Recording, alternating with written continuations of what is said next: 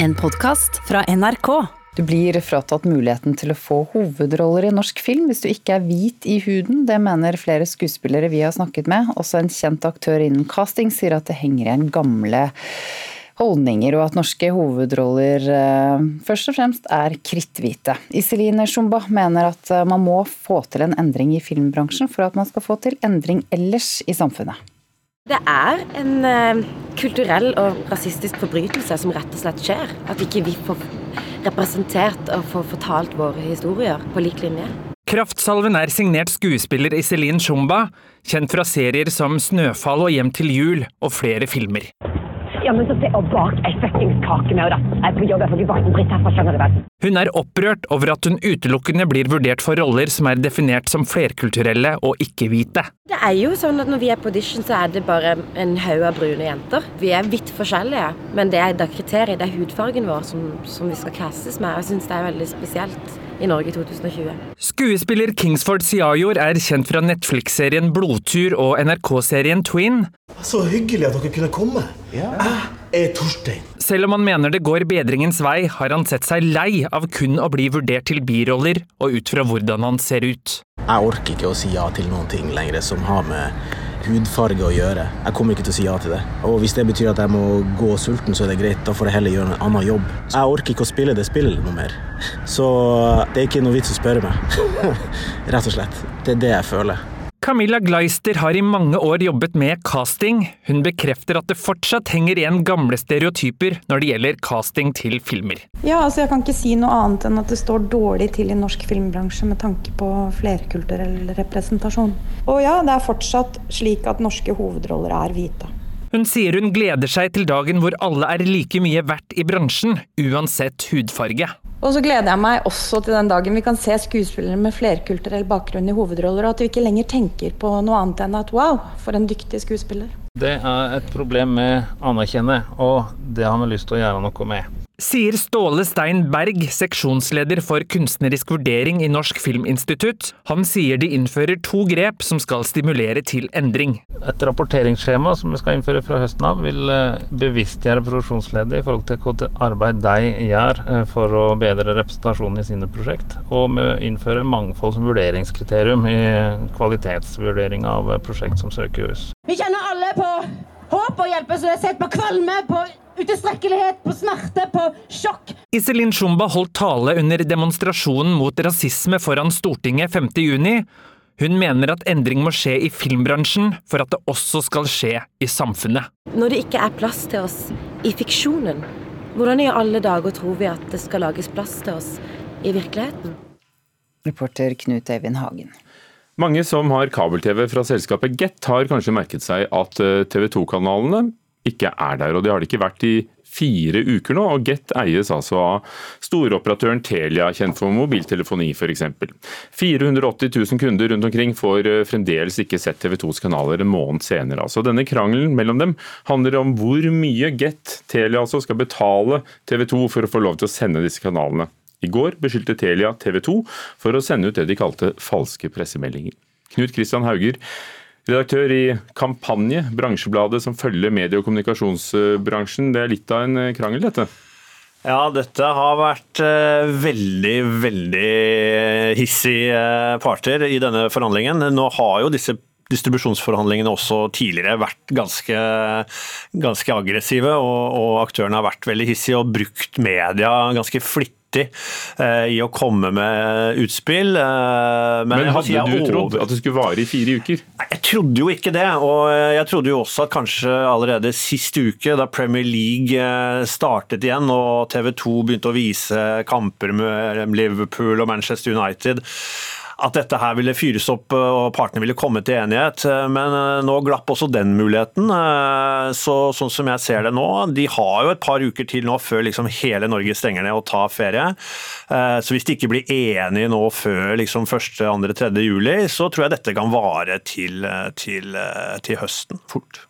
Hva er det som gjør TV 2s kanaler attraktive for Get å ha der? TV 2 er jo en kanal som mange nordmenn har eh, sterk eh, forkjærlighet for. De har jo kjempesterke programkonsepter som eh, Farmen, som ja, Skal vi danse-nyhetene altså Det er jo en kanal som står veldig sterkt i, i, i den norske befolkningen. Det er selve TV 2, men så er det så mye mer etter hvert. Og så er det jo de små kanalene også. og Der er jo Nyhetskanalen også en kanal som kommer veldig høyt da, når, når man spør i disse markedsundersøkelsene hvilke kanaler er man setter mest pris på. Så Der har jo TV 2 gode undersøkelser som viser at kanalen deres er godt uh, etterspurt blant Gets kunder og, og, og et kjærkommen del av tilbudet. Så, så der har jo TV 2 gode forhandlinger. Og Nå var det jo veldig synd, da, sett fra TV 2s side, at det ikke ble noe fotball-EM i år. Eh, for det er jo klart, eh, for en million seere å ikke kunne se fotball-EM, det er jo en sånn type event, type programinnhold, som gjør at det blir veldig vanskelig for Telia å forsvare at de ikke kan tilby den kanalen. Hvor mye penger dreier det seg om? Ja, Det vet vi jo dessverre ikke, for det er jo tall disse eh, partene holder skjult og tett i brystet. Men vi anslår jo at det ligger på en rundt 300 eh, millioner kroner i året uh, i, i, inntekter for TV 2, uh, som da Telia Get betaler kanalen. Og partene er jo da uenige om den prisen, hva skal den prisen skal være for, for neste periode. og Der skiller det vel en sånn røftlig 100 millioner. Så, så, de er jo på, det er jo store avstander fortsatt. og, og Partene er jo ikke engang i nærheten av å bli enige om en lang langsiktig, permanent avtale. Det, det de krangler om nå, er jo rett og slett bare å bli enige om kan vi skru på kanalene nå og fortsette forhandlingene. Men de klarer jo ikke å bli enige om det engang, så, så dette ser jo veldig mørkt ut. Hva er denne beskyldningen om falske pressemeldinger? Ja, det kan si at uh, I den eh, første uken av denne krangelen så, så brukte jo begge, begge, aktørene de var like ille begge to, til å bruke media til å komme med utspill. og Grunnen til det er jo at de ønsker jo å fremstå som veldig løsningsorienterte, og at de hele tiden er uh, handlekraftige i forhold til å få til en løsning. Og For Get er jo det kjempeviktig at de hele tiden viser at vi prøver å få til, få til en løsning her, slik at kundene da blir overbevist om at dette her ordner seg, bare vi, bare vi sitter litt rolig i båten. Hvem trenger hvem mest? Er det, er det det Get som trenger å vise TV 2 for sine kabel-TV-kunder, eller er det, er det TV 2 som trenger både inntektene, men ikke minst antall seere og tilby annonsørene? Ja, det er jo nettopp det som er maktspillet. Eh, hvem trenger hvem mest her? Eh, det er jo ikke noe tvil om at historisk så har jo distributørene vært ekstremt viktige for TV-kanalene. Men når TV 2 og innholdshusene etter hvert begynner å bygge opp egne nettløsninger som TV 2 Sumo, som gir de direkteaksess til seeren og til kundene, så står jo TV 2 mye tryggere eh, og får mer selvtillit og kan ta denne fighten. og Dermed gjør det også til at det varer mye lenger. Takk skal du ha. Knut Kristian Hauger, redaktør i Kampanje. Marte Michelets bok 'Hva visste hjemmefronten?' skapte debatt da den kom for to år siden. Hun ble bl.a. beskyldt for slurvete arbeid og flere feil. Og jeg mener ganske mye feil. Mm. Og det er masse sitatfusk. Nei, det er det virkelig ikke. Jo, det er det virkelig det er det. ikke. Nei, det er det ikke. Det er ikke sitatfusk. Altså, det er en så alvorlig anklage. Nei. Det er en det er så alvorlig anklage. Ja, Det var høy eh, temperatur der i debatten på NRK1 eh, i november 2018. I høst kommer et motsvar i form av en ny bok. Kulturreporter Ida Yasin Andersen, eh, hva slags bok er dette?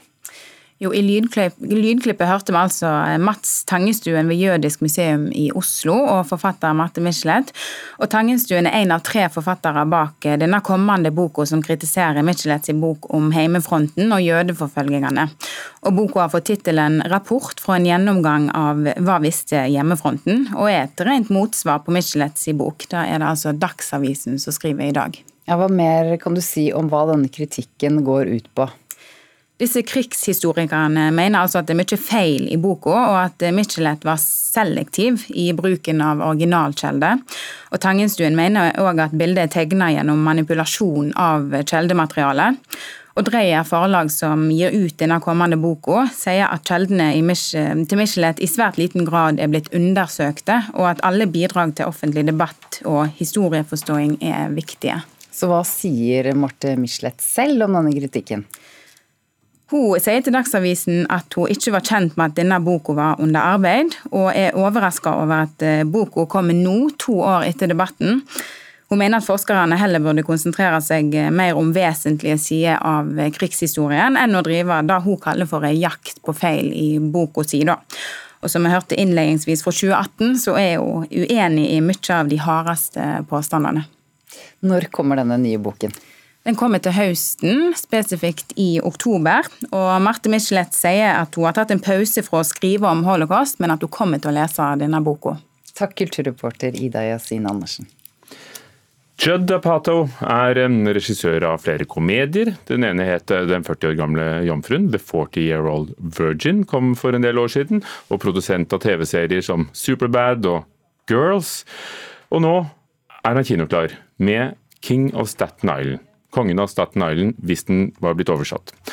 Den har premiere på norske kinoer denne uken. En dramakomedie med store navn som Steve Buscemi, Marisa Tomei og en ung og lovende Pete Davidson på rollelisten.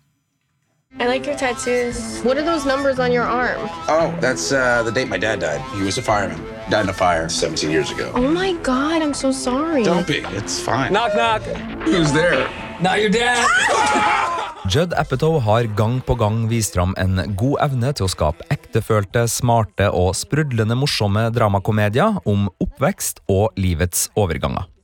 I The King of Staten Island tar han tak i komiker Pete Davidson, kjent fra Saturday Night Live, sine egne livserfaringer, og sammen så skaper de to en herlig feel good-dramedie. Don't worry, Mom. I know your daughter got smart and went to college and abandoned us. But I'm still here. I'm gonna be here forever. Yeah. Scott Carlin, spilt av Pete Davidson, er 24 år. Han røyker masse pott og henger i kjellerstua med vennegjengen på Staten Island utenfor New York.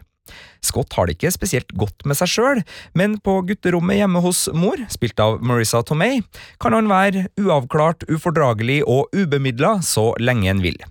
Eh, det vil si helt til mor møter Ray, spilt av Bill Burr, en brannmann som ikke er spesielt interessert i å dele hjemmet med kongen av slacking. You're gonna have to pull your weight a little more around here. Maybe help Ray get his kids to school. Kelly, do you know him? He's a new friend. You okay? You know, you could tell me. I'm okay. Oh, I trained her in the car. She's not gonna break. På et bakteppe av sorg, fremmedgjorthet og frustrasjon følger vi Scotts reise gjennom familietrøbbel, forventninger og en vennegjeng som har omfavna utenforskapet. Judd Apatow har et skarpt blikk og et bankende hjerte for New Yorks utkantstrøk og outsidere med opprørstrang, og i The King of Staten Island så lar han de her elementene vokse ganske fritt. Altså, Hvis Judd Apatow hadde vært en yngre og mer ukjent regissør, så tror jeg ikke denne filmen hadde fått lov til å klokke inn på to timer og 16 minutter, som den nå gjør. Den hadde nok blitt trimma ned til 1 12 time, og det hadde nok vært nok.